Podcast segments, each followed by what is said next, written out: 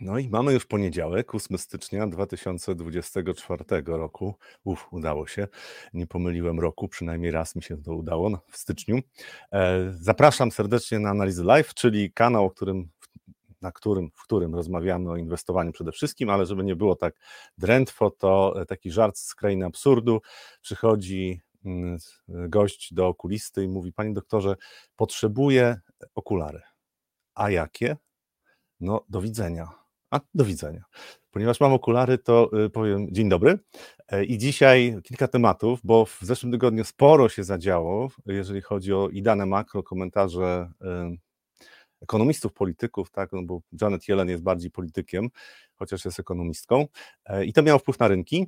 Też dane z rynku pracy amerykańskiego miały duży wpływ na rynki, też dane z ISM to jest y, odpowiednik y, w zasadzie PMI-ów europejskich, jeżeli mówimy o e, koniunkturze w tym przypadku w przemyśle. E, sporo się działo na rynku walutowym, sporo się działo na indeksach. Pytanie, czy rozpoczęliśmy większą korektę, a być może bez, to takie pytanie, które pewnie nurtuje większość osób. Zakładam, że jak mnie coś nurtuje, to może też niektórych też. E, no i tych tematów e, z ubiegłego tygodnia jest dużo i też bardzo ciekawe rzeczy będą się działy w tym tygodniu. Przede wszystkim w czwartek będą daną inflacji w Stanach Zjednoczonych. Naszą inflację już wiemy, jaka była, e, spadamy z płaskowyżu, tak też o tym chwilę e, powiem i e, to też będzie miało wpływ oczywiście na to, co się będzie działo z walutami, co się będzie działo z akcjami, z obligacjami. Tematów dużo, więc zapraszam tradycyjnie najpierw na przegląd rynków.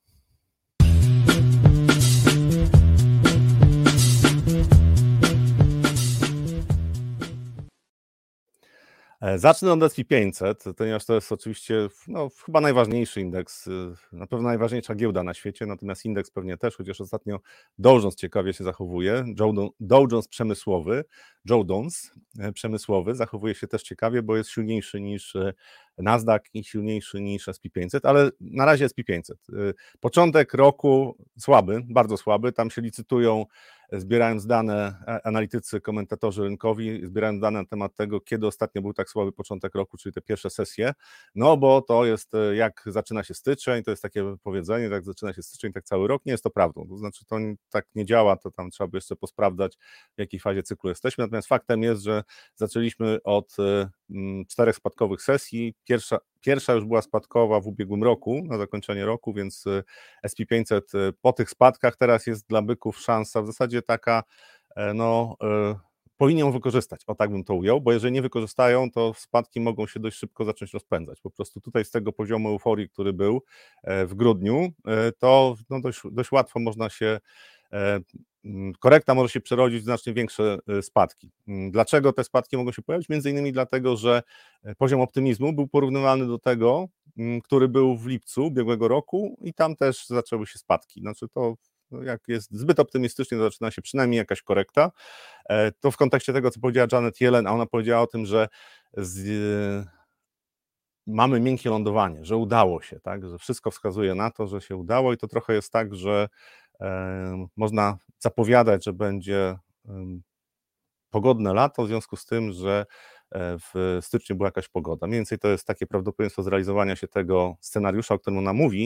I zaraz powiem w ogóle o prognozowaniu, o tym, co, mm, gdzie są pułapki i dlaczego ten rok w mojej ocenie będzie dość e, zaskakujący, jeżeli chodzi i o makro, i też o rynki, e, bo pewne parametry rynkowe będą się, czy gospodarcze będą się zmieniały w trakcie tego roku, właśnie z konsekwencji tego, co nie wydarzyło się w ubiegłym roku. Ale to za chwilę.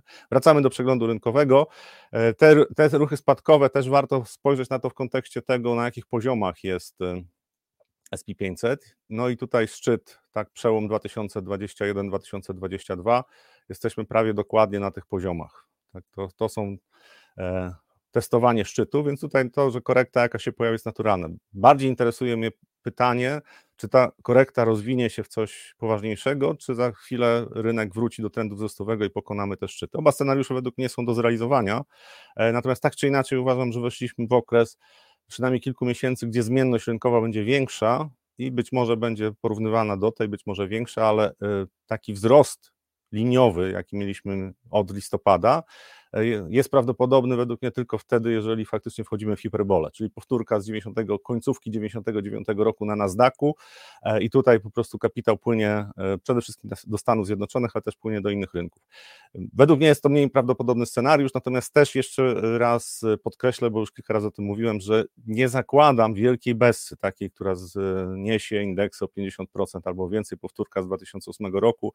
Mnóstwo jest takich komentarzy, w necie e, wielu analityków o, tym mówi, oczywiście nie duże banki inwestycyjne, bo e, oni nawet jakby spodziewali się czegoś takiego, to by nie powiedzieli, e, bo nie chcą straszyć klientów. Natomiast tak dużo jest takich komentarzy, że wydaje mi się też, że to nie biorą pod uwagę tego, w jakiej sytuacji jest gospodarka światowa i pomimo różnych zagrożeń, które są na świecie, między innymi zagrożeń wojną, tak, to też warto pamiętać, że w, w tym tygodniu, przepraszam, już w tym tygodniu są wybory na Tajwanie e, i reakcja Chin na zwycięstwo tej partii wolnościowej, takiej, która chce niezależności od Chin, no, reakcja Chin może być ciekawa, czyli następny tydzień może też być ciekawy.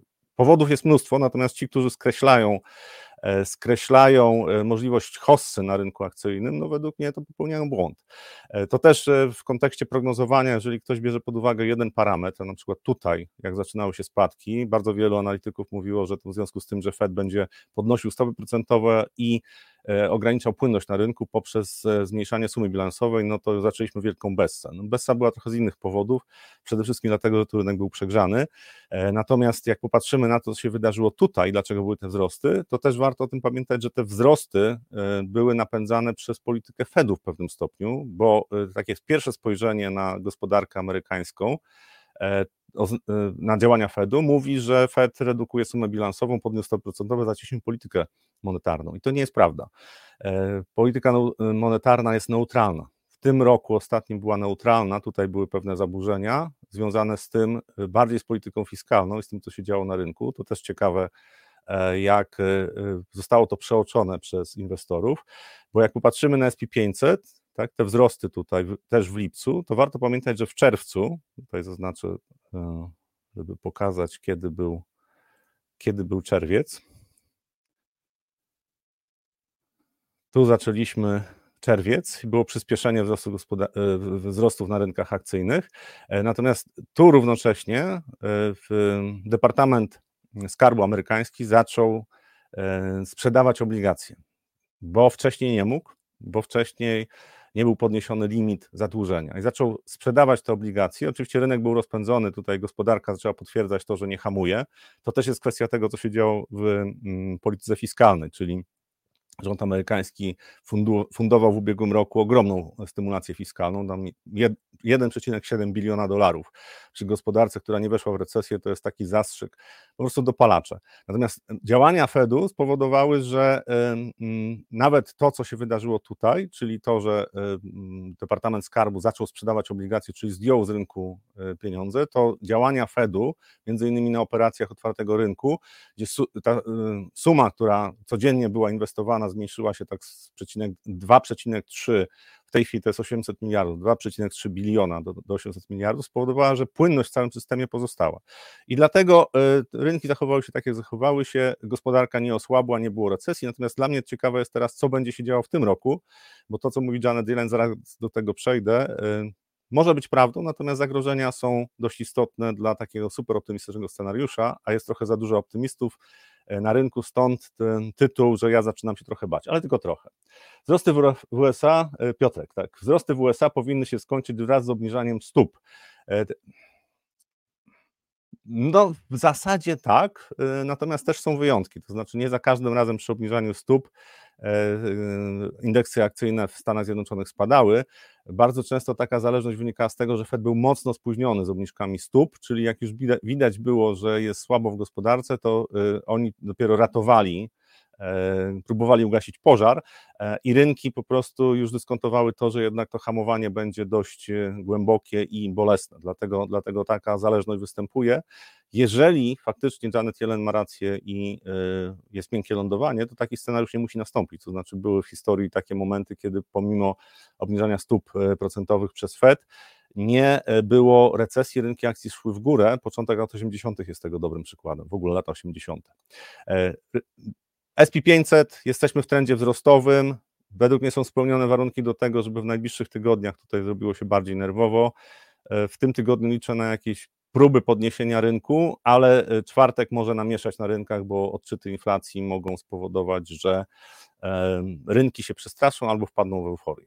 Europejskie rynki DAX, często mówiłem o DAXie, że to nie jest mój ulubiony indeks i fundamentalnie patrząc na niemiecką gospodarkę, to ten wzrost tak, od listopada, w zasadzie nie ma uzasadnienia. To, to, to, że Niemcy będą chorym człowiekiem Europy gospodarczo, to raczej jest przesądzone. To znaczy, naprawdę musieliby bardzo dużo, bardzo szybko pozmieniać, e, jeżeli chodzi o sposób funkcjonowania gospodarki, a mimo wszystko rynek poszedł w górę. Dlaczego poszedł w górę? No to jest jedna zależność, która sprawia, że e, w momencie jak Stany Zjednoczone sobie rosną, to najczęściej rynki, to jest SP500, tak, to jest DAX, e, to rynki podążają w tym samym kierunku, trochę słabiej, trochę silniej, zależy od e, fazy optymizmu na rynkach, czyli jeżeli inwestorzy tak e, uważają, że w strefie euro jest szansa na większy optymizm, to po prostu ten DAX rośnie szybciej, to jest największy, największa giełda europejska, więc przyciąga kapitał. Natomiast pytanie, czy nie nastąpi teraz weryfikacja w najbliższych e, tygodniach czy miesiącach bardziej, bo dane z gospodarki niemieckiej nie pokazują, żeby tutaj działo się zbyt wiele pozytywnego. Jeżeli popatrzymy na Hiszpanię, to też jest ciekawe, że hiszpański indeks e, tak, tutaj całkiem dobrze się zachowuje, bardzo silne wzrosty, nawet jest od SP500 silniejszy, tak jak weźmiemy ten okres, od, od no, prawie początku 2022. E, I to też jest oczywiście zmiana postrzegania w tej szans inwestycyjnych, czyli na przykład Hiszpania, która jest bardziej oparta na turystyce, dużo niższe wyceny spółek, no to jest, był pretekst do tego, żeby inwestować. Znowu też jesteśmy tutaj na poziomach, przy których e, spodziewam się, że nie będzie tak łatwo kontynuować wzrostu. Niekoniecznie to musi być wielka bessa, ale rynki, rynki akcyjne są przygotowane do tego, żeby się zrobiło trochę bardziej nerwowo. Podobnie na WIG-u. Też mamy, mamy ruch korekcyjny. No w, w piątek próby powstrzymania spadków, tak na, na, praktycznie na koniec sesji wyciągnięcie rynku w górę, były spadki e, o 0,3, natomiast te spadki nie były jakieś e, na koniec zbyt spektakularne. Jest szansa na to, że w najbliższym czasie próba podniesienia rynku, natomiast dużo ważniejsze jest to, co się wydarzy w Stanach Zjednoczonych w perspektywie w ogóle stycznia i lutego, e, bo przedłużenie tej, tej, tej fazy korekcyjnej według mnie jest prawdopodobne. Tak podobnie, wracając jeszcze do tego wykresu SP500, tak, wracając do tego, co się wydarzyło w lipcu ubiegłego roku. Tutaj w lipcu ubiegłego roku e, byliśmy loka, lokalne szczyty, pełen optymizm zmiany przez firmy inwestycyjne poziomów e, docelowych dla SP500 na koniec roku, no i mieliśmy 10% spadku. Tutaj pojawiły się e, już prognozy, że za chwilę rynek amerykański wejdzie, gospodarka wejdzie w recesję, a rynek w bezce. No i to był świetny moment, żeby ponownie zainwestować krótkoterminowo, tak, bo jeżeli ktoś inwestuje w dłuższej perspektywie, to nawet taka korekta 10% to nie jest coś, co e, sprawia duży problem. Więc rynki akcji są w mojej ocenie dość ciekawym miejscu inwestycyjnie. Też sporo informacji z, ze świata makro będzie w najbliższych dniach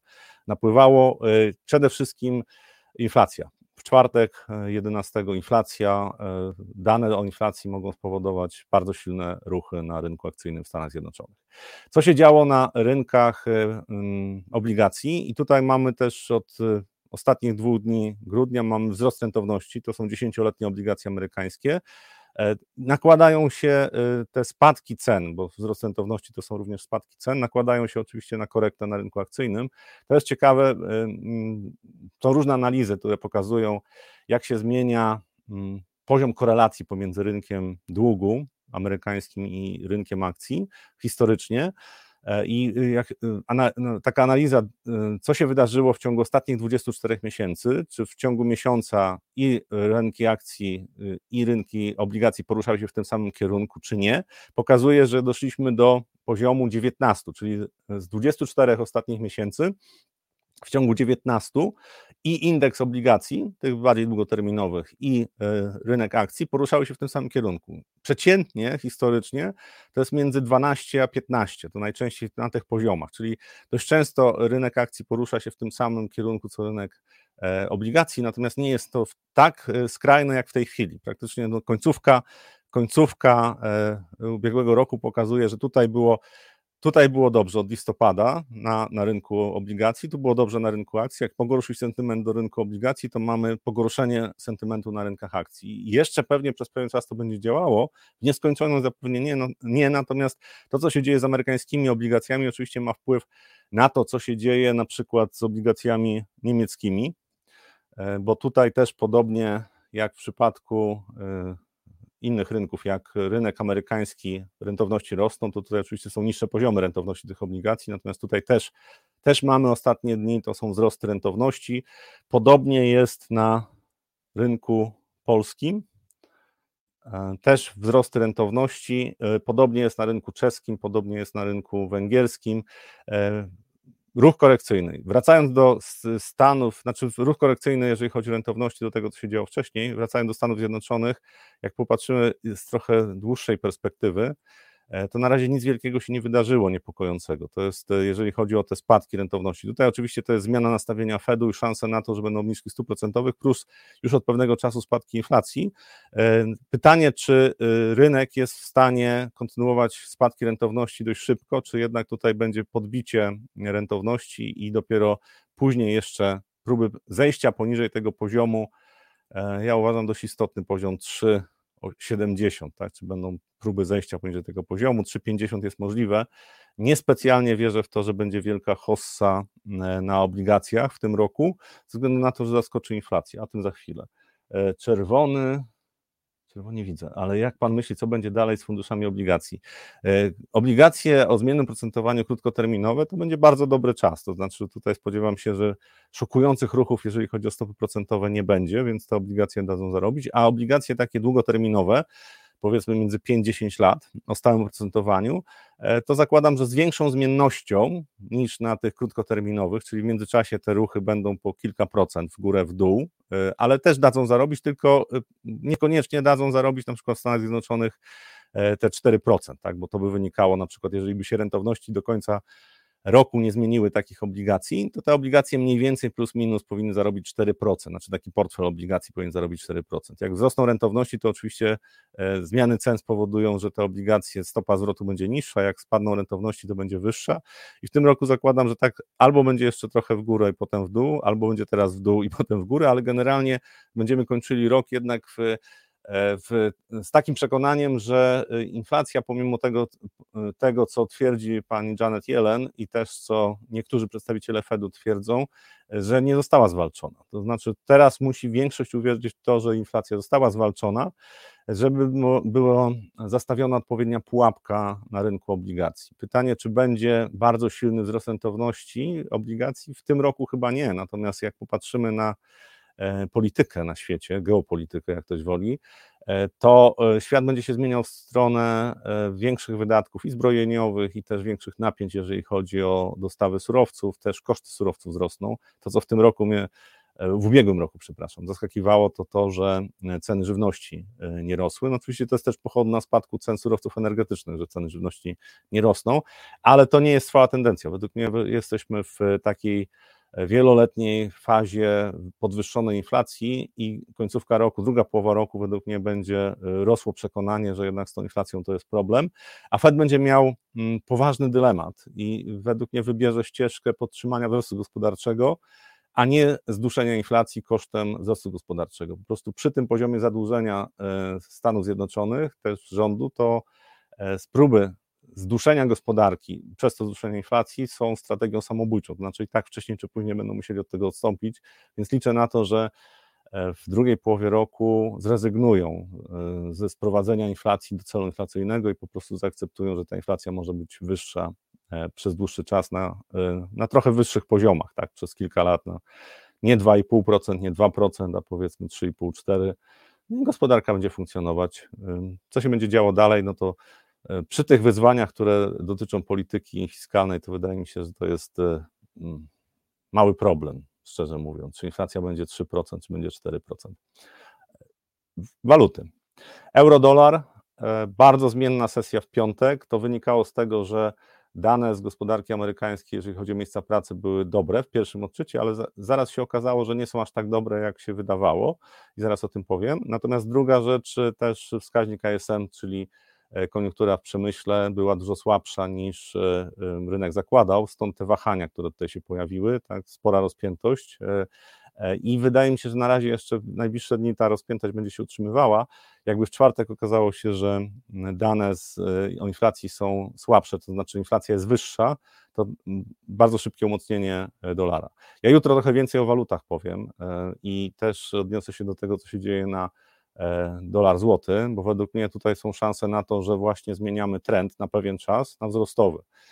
To nie oznacza, że to za chwilę będzie 5 zł za dolara, ale są spełnione warunki, zwłaszcza jakby okazało się, że Stany Zjednoczone są trochę słabsze gospodarczo, jest riskon na świecie, E, i inflacja jest w dodatku trochę wyższa niż spodziewana, to tutaj dość szybko, ze względu przede wszystkim na to, że e, dolar by się umocnił, to tutaj ten ruch na złotym może być zaskakujący, a warunki są spełnione, bo jak popatrzymy tutaj po tej fali wyprzedaży dolara, tak, tutaj przyhamowanie, e, coraz mniejsze spadki, takie zejście poniżej 3,90, żeby ci wszyscy, którzy utrzymywali długie pozycje na dolarze, żeby już się y, skapitulowali, szybki powrót powyżej tego poziomu i z tej konsolidacji, jak się zacznie ruch wzrostowy, to jest e, w związku z tym, że też na rynkach światowych większość zakłada, że dolar będzie słaby w tym roku, to jest paliwo do tego, żeby tutaj kilka procent wzrostu się pojawiło, a być może będzie początek czegoś większego.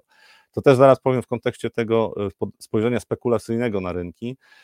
E, bo ja preferuję takie spojrzenie, w którym interesuje mnie to, czy jakiś trend e, może w najbliższym czasie się zakończyć i czy są sygnały do tego, że ten trend może się zmienić, e, a nie kilka miesięcy wcześniej próbuję odgadnąć, co się może wydarzyć na przykład na koniec roku, jaki będzie kurs dolara, bo to jest bardzo mało przewidywalne, czy to jest bardzo dużo przypadkowych rzeczy wpływa na e, zmiany kursów walutowych, tak samo jak na koniunkturę gospodarczą, tak samo jak na poziom inflacji, więc to, że ktoś trafi na koniec roku, jaki będzie kurs walutowy, to nie znaczy, że wykonał prawidłową analizę, tylko raczej ma sporo szczęścia. E, tematy, już takie tematy, które mnie zajmują bardzo. Janet Yellen. I ona powiedziała w ubiegłym tygodniu, że tutaj zakłada, że amerykańska gospodarka osiągnęła miękkie lądowanie jako uzasadnienie podaje właśnie to, że inflacja spada, e, a równocześnie nie ma osłabienia na rynku pracy. No i tutaj można polemizować, czy to osłabienie na rynku pracy jest, y, czy nie. Dane z rynku pracy, raport z rynku pracy, który się pojawił w y, piątek, E, pokazał, że w sektorze pozarolniczym powstało 216 tysięcy nowych miejsc pracy przy oczekiwaniach 173 tysiące.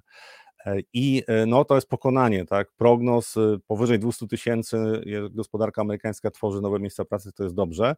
Natomiast gdzie jest problem? Problem polega na tym, i to analitycy z Bloomberga na to zwrócili uwagę, że podobnie jak w poprzednich miesiącach, jak popatrzymy, to są, to są poprzednie dane, tak? Czyli tutaj, przepraszam, źle powiedziałem, tutaj muszę się wrócić, że e, było 173 tysiące nowych miejsc pracy, tak? natomiast e, e, w, w listopadzie, natomiast było 216 przy oczekiwaniach 170 tysięcy, 175 tysięcy. Natomiast gdzie jest taki problem? Jak popatrzymy na to, jakie były prognozy nad listopad ubiegłego roku, to pierwszy odczyt to był 199 tysięcy, okazało się, i to była korekta właśnie, która pojawiła się przy kolejnym odczycie, bo tak to działa, e, ze 199 zeszliśmy do 173. Analitycy Bloomberga policzyli, że w ciągu ubiegłego roku te korekty w stosunku do pierwotnego odczytu sięgnęły 439 tysięcy miejsc pracy łącznie za wszystkie miesiące, miesiące,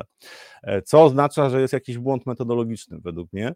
Natomiast to pokazuje, że ta gospodarka nie jest aż tak silna, jeżeli chodzi o rynek pracy, jak e, wydawałoby się z pierwszego odczytu. Też są takie dane, które pokazują, jak wygląda sytuacja e, z mm, wakatami, czyli miejscami pracy, które są, gdzie poszukują pracowników, tam też są spadki i też obserwuję taki wskaźnik, który pokazuje, jak wygląda sytuacja dla trwale bezrobotnych.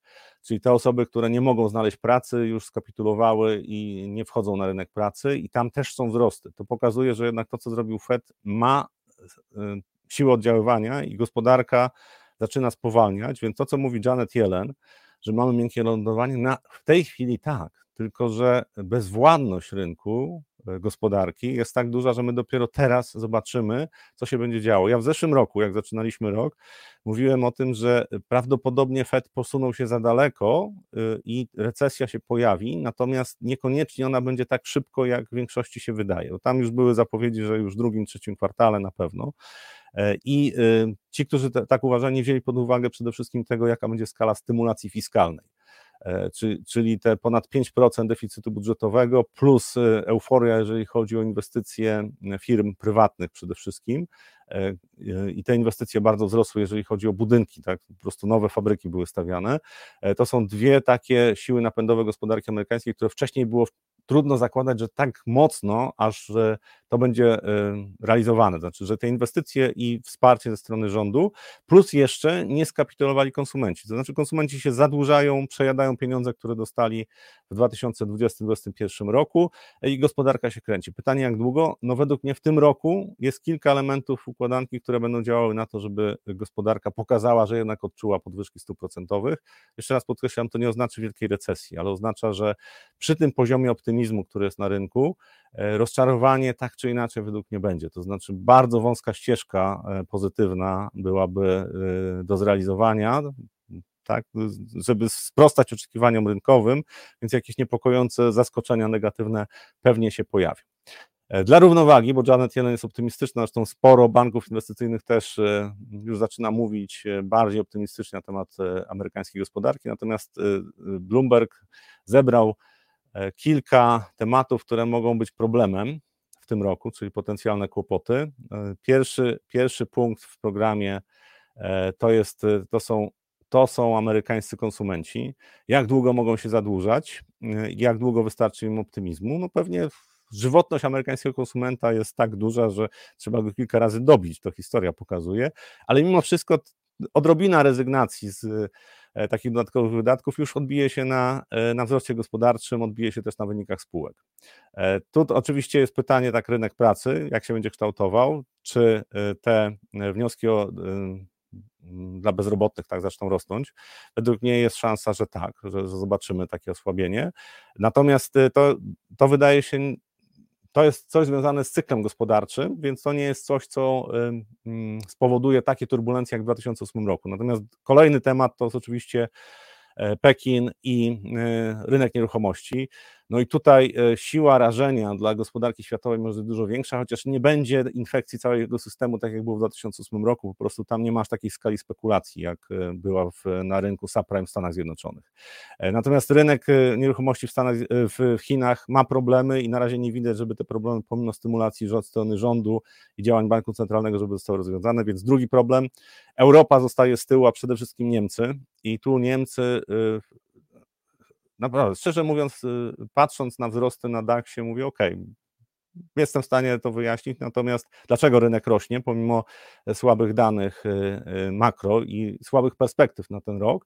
E, natomiast mimo wszystko to ten optymizm, który, który jest reprezentowany przez inwestorów w Europie jest mocno na wyrost. Znaczy w Europie problemy y, gospodarcze, zatrzymanie tempa wzrostu gospodarczego to jest jeden z tematów, który będzie się pojawiał, dlatego nie wierzę w to trwałe umocnienie czy wejście w silny trend wzrostowy y, euro. Y, problemy gospodarcze będą rzutowały mocno na tą walutę. Przez pewien czas możemy utrzymywać się jeszcze w trendzie bocznym i to wygląda na ten rok jeszcze na taki scenariusz. Jeden z widzów mnie zapytał, czy rezygnuje z pomysłu prognozy, że euro-dolar będzie na poziomie 0,6 nie, nie rezygnuję. To jest tylko kwestia czasu. Pomyliłem się w, w czasie, ale to, była, to nie była prognoza taka, mm, e, że już e, w tym momencie ma się coś wydarzyć. Zakładałem, że będzie trochę niższe poziomy będą na euro-dolarze. Doszliśmy nawet do poziomu 1,12. 1,15 też nie robi specjalnie wrażenia, nawet jakbyśmy na najbliższym czasie e, ten poziom osiągnęli. Natomiast im więcej czasu upływa, to znaczy im dłużej E, trwa mm, dobra koniunktura w gospodarce światowej, e, tym bardziej zaciemniony będzie obraz problemów takich strukturalnych europejskich. One się w pewnym momencie ujawnią i ujawnią się według mnie skokowo. Prawdopodobnie już w tym roku, chociaż na razie to na wyrost jest twierdzenie, że już w tym roku e, dolar, euro-dolar spadnie poniżej parytetu. Według mnie jest to prawdopodobne, natomiast niekoniecznie to musi być ten rok. Może być następny, może być 2026, natomiast y, nie dalej. To znaczy 2025 to już był, powinien być ten y, czas, kiedy inwestorzy zorientują się, że w Europie nie dzieje się dobrze. Więc kolejny temat, y, europejskie problemy. Kolejny temat, wyjście z ujemnych stóp procentowych w Japonii. To jest coś, co może potrząsnąć rynkami. Oni cały czas utrzymują jedyny, osta, ostatni duży bank e, inwestycyjny, e, centralny, przepraszam, który utrzymuje ujemne stopy procentowe, tam jest minus 0,1. No i, i w tym roku wszystko wskazuje na to, że będą musieli od tego odstąpić. Jak zareaguje gospodarka, jak zareagują rynki? Autentycznie mówię, nie wiem. Znaczy, próbuję to oszacować, natomiast wiem, że będzie zmienność, ale w którą stronę to pójdzie, to nie wiem, chociażby patrząc pryzmat tego, co się wydarzyło z jenem w ubiegłym roku, jak mocno się osłabił, przez większą część roku się osłabił. Więc tutaj tych zagrożeń nie brakuje. No i, e, i jeszcze jedna rzecz, czyli Indie.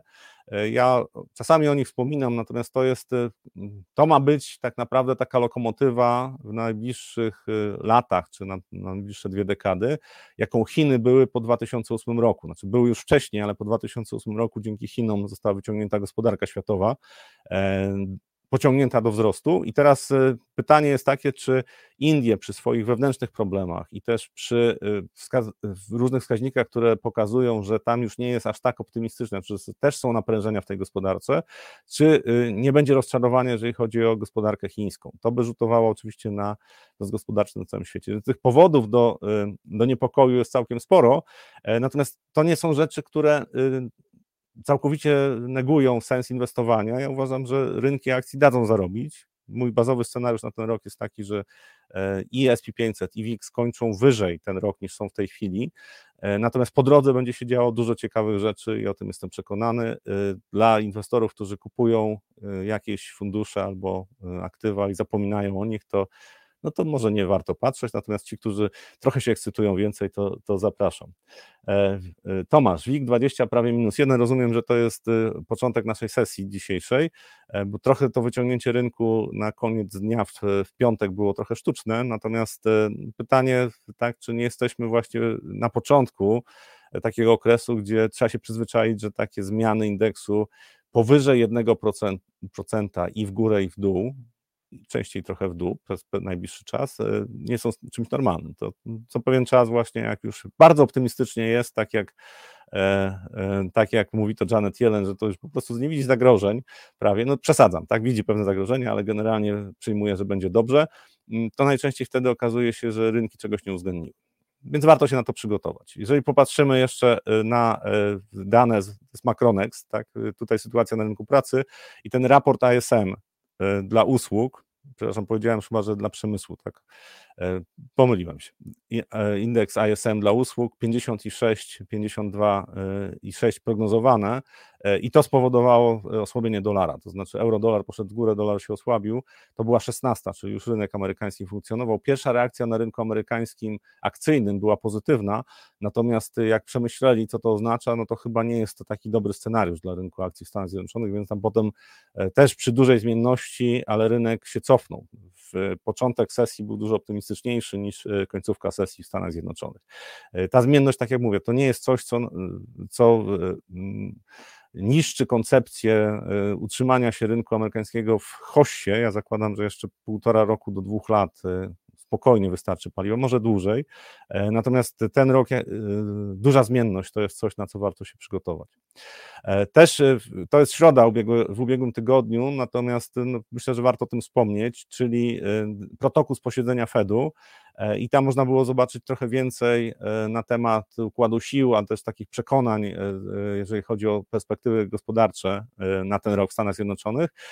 I no, rynek został utwierdzony w tym, że raczej Fed zakończył podwyżki stóp procentowych i być może no, nie będzie aż tak mm, szybkich obniżek stóp procentowych, jak rynek to wyceniał, bo rynek już doszedł do momentu, że e, w tym roku będzie 7 obniżek stóp procentowych przez Fed. No i w, po e, zapoznaniu się z tym protokołem, tak zwany minutes, e, to inwestorzy doszli do wniosku, że chyba się trochę zagalopowali, no bo Fed nadal mówi, że trzy obniżki stóp procentowych, no i być może no, no nie. No i to było też jedno ze źródeł tego e, ruchu rentowności na obligacjach amerykańskich i też pogorszenia sentymentu na rynku akcji, bo na razie jeszcze cały czas chodzimy w tą samą stronę. Rynki obligacji, rynki akcji chodzą w tą samą stronę, inwestorzy tak przyjęli, więc nie ma co się z tym kłócić. Wcześniej czy później to się rozjedzie. To znaczy, to nie jest reguła, że rynek akcji, rynek obligacji porusza się w tą samą stronę i reaguje w ten sam sposób na jakieś dane z, z gospodarki, czy jeżeli nawet chodzi o, w tym przypadku o Fed, to też nie jest reguła, że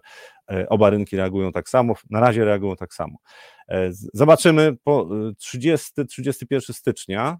To są, to jest najbliższe posiedzenie Fedu. Myślę, że bardzo ciekawe będą wystąpienie, bardzo ciekawe będzie wystąpienie Powella, też prognozy, które przedstawi i, i pewnie rynki będą czekały na to z utęsknieniem, ale w międzyczasie będzie też sporo danych z gospodarki amerykańskiej po drodze, więc nie będziemy się nudzić w styczniu. To jest to, co, o czym jestem przekonany.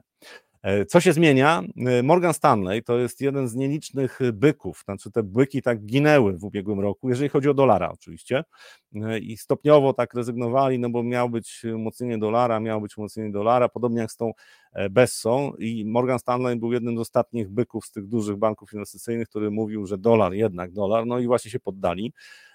To mnie bardzo cieszy. To, to podobnie jak Janet Yellen, która mówi, że jest miękkie lądowanie, to Morgan Stanley, który rezygnuje z e, obstawiania na wzrosty, dalsze wzrosty dolara, to jest też coś, co, e, co mnie cieszy z takiej perspektywy, że ja zakładam, że dolar będzie się umacniał, czyli taką mam satysfakcję, że będę miał satysfakcję, że to się zrealizuje, że w końcu się umocni. Trochę żartuję.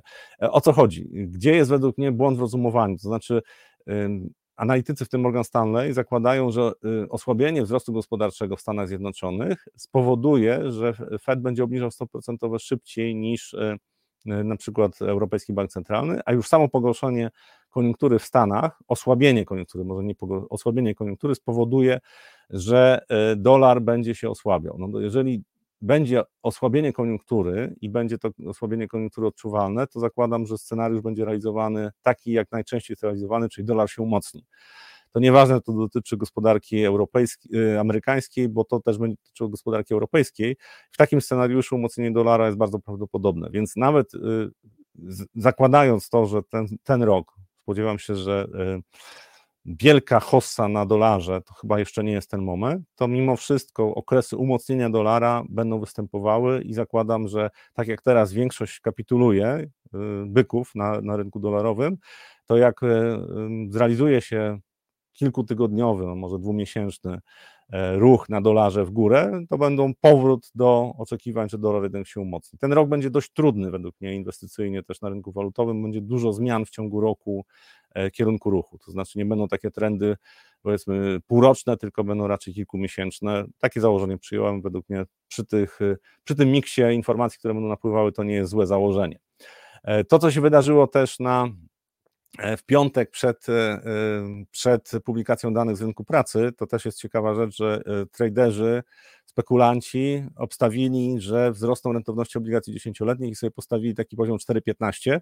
Co do kierunku ruchu, znaczy przede wszystkim przewidzieli to, że będą dobre dane z gospodarki amerykańskiej, przewidzieli też, że rentowności wzrosną, ale przewidzieli, że wzrosną trochę bardziej niż e, trochę mniej niż zakładali, bo można znaleźć informacje, to nie jest, e, to akurat jest widoczne, tak, jeżeli patrzymy na Chicago Mercantile Exchange, e, to widać na jakich poziomach są zawarte transakcje opcyjne. Znaczy tam po prostu jeden z parametrów jest poziom mm, mm, rozliczenia mm, takiego kontraktu. No i widać, jakie są duże pozycje. No i największe były na te 4,15, więc zarobili ci, którzy sprzedawali takie opcje put, opcje long, przepraszam, tak. To są to, ci, którzy, którzy grali na dalsze wzrosty, no to ci zarobili, natomiast ci nie, nie zarobili. Jeszcze raz. Jeżeli mamy opcję, tak, możemy zająć, możemy wystawić opcję, możemy y, kupić y, mm, taką opcję, tak, jeżeli kupimy opcję mm, call, E, to gramy na to, że w danym czasie, na przykład w tym przypadku rentowności takich obligacji pójdą wyżej niż, e, e, niż 4,15, ja wtedy zarabiam. Jak wystawiam taką opcję, to zarabiam, dopóki ten poziom nie zostanie osiągnięty. I bardzo dużo transakcji było zawartych w piątek. Pytanie teraz, co się wydarzy w najbliższym czasie? Według mnie zmienność na rynku e, obligacji będzie na wysokim poziomie. To znaczy, ten rynek po ruchach z listopada i y, grudnia, i teraz to się wydarzyło na początku roku, on jeszcze przez kilka miesięcy będzie miał podwyższony poziom zmienności, czyli e, to, co się będzie działo na rynku opcji, będzie też wpływało na to, co się będzie działo na rynku fizycznym, tak, jeżeli chodzi o obligacje, e, bo tam też są manipulacje i to są na dużym poziomie manipulacje, jeżeli chodzi o rynek, e, rynek obligacji i rynek e, instrumentów pochodnych dotyczących obligacji, więc wnioski z tego piątku są dla mnie takie, że warto się przygotować na to, że co pewien czas będziemy mieli jakieś duże pozycje zbudowane E, przez spekulantów i za tym też będzie podążał rynek fizyczny, który jest mniejszy, znaczy łatwiej jest ruszyć rynkiem fizycznym e, i e, zarobić dużo pieniędzy dzięki opcjom, bo tam są, tam są dźwignie finansowe, niż po prostu zostawić to samemu sobie. Ja bym zwrócił uwagę na to, że tutaj zwroty akcji, jeżeli chodzi o rentowność obligacji amerykańskich, będą bardzo częste. Co jeszcze jedna, jedna rzecz, którą, na którą warto zwrócić uwagę, według mnie to jest to, że E, prognozy dla rynku ropy. E, też tutaj byki już rezygnują i też Morgan Stanley e, i UBS obniżyły poziom docelowy dla cen ropy w tym roku. Już tutaj pojawiają się poziomy 75, 77 dolarów i być może mają rację. Przy spowolnieniu gospodarczym tak, natomiast jeżeli cokolwiek wydarzy się w geopolityce niepokojącego, to e, bardzo szybko może być na poziomie 90 dolarów, być może wyżej. E, takie cykliczne e, zachowanie ropy wskazuje, że Pierwszy kwartał tego roku to jest lokalne minima. Pytanie, na jakich poziomach będziemy. Ja na razie przyjmuję, że nie ma sygnału do tego, żeby tutaj 75 dolarów zostało szybko pokonane w górę. Tak, jesteśmy, jesteśmy poniżej tego poziomu. Mówię o ropie teksańskiej, natomiast w trochę dłuższej perspektywie to liczę na to, że będzie coś, co zaskoczy inwestorów. Przede wszystkim zaskoczą ich informacje właśnie z geopolityki. Pierwsza informacja to może być reakcja Chin na to, co się wydarzy na Tajwanie, jeżeli chodzi o wybory. E, inflacja w Polsce e, mamy spadek do poziomu 6,1. Analitycy zakładają, że będzie 6,5, to jest odczyt mm, inflacji. E, I pytanie jest moje podstawowe takie, które warto postawić nawet nie do, jakiego poziomu spadnie inflacja, CPI, bo oczekiwania są już takie, już widziałem ING prognozuje, że poniżej 4% będziemy w pierwszym kwartale. Jeżeli y, nie, jeżeli nie będzie wzrostu cen paliw, to być może tak, chociaż wydaje mi się, że już chyba nie, to znaczy poniżej 5% to naprawdę musiało być bardzo dużo pozytywnych czynników, które na to, y, na to wpłyną. Natomiast E, to, co jest interesujące, to jest to, co będzie się działo z inflacją w drugim, trzecim kwartale. Jak szybko inflacja się podniesie, i tu bym obserwował też inflację bazową, bo oczekiwania są, że inflacja bazowa w Polsce spadnie poniżej 7%, ten odczyt mamy 3,9%, natomiast spadek inflacji bazowej poniżej 6% według mnie jest bardzo mało prawdopodobny. Dlaczego? Bo e, siła e, konsumenta w Polsce na to nie pozwoli. To znaczy, inflacja CPI jest mm, znacznie mocniej uzależniona od cen żywności niż e, inflacja bazowa, tam są inne parametry. Ceny żywności też trochę wpływają na tę inflację, ale pośrednio, nie bezpośrednio. E, natomiast jeżeli popatrzymy na to, co się będzie działo w polskiej gospodarce, to myślę, że tutaj E, najważniejsze będzie właśnie to, jak będzie wyglądał drugi kwartał tego roku, jeżeli chodzi o inflację. Zakładam odbicie, które będzie zaskakująco duże, jak mówimy o inflacji. Stąd też zakładam, że polskie obligacje e, o e, stałym procentowaniu, te o długich terminach zapadalności, to nie będzie, to nie będzie inwestycja, która przyniesie kokosy, że to nie będą dwucyfrowe stopy zwrotu, że raczej to będzie taki rok dość zmienny i E, ze stopami zwrotu pewnie trochę poniżej tego, co przyniosą e, obligacje o zmiennym procentowaniu.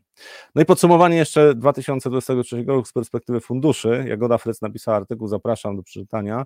E, pokazała też, jak ten 2023 rok, te zielone kolory, no to cieszą, tak jak jak dobrze było. Też ciekawe jest to, że e, akcji azjatyckich bez Japonii, czyli taka grupa funduszy, że to jest e, e, mm, poza surowcami, tak, że to jest ten rynek, który z rynków akcyjnych w zasadzie jedyny tracił. To też, też są wyzwania, to nie tylko Chiny, tak, ale generalnie to, co się dzieje w Chinach, rzutuje na kraje azjatyckie i tam nie było chęci inwestowania też ze względu na ryzyka geopolityczne. Czyli pieniądze popłynęły bardziej do rynki rozwinięte, Europa, Stany Zjednoczone.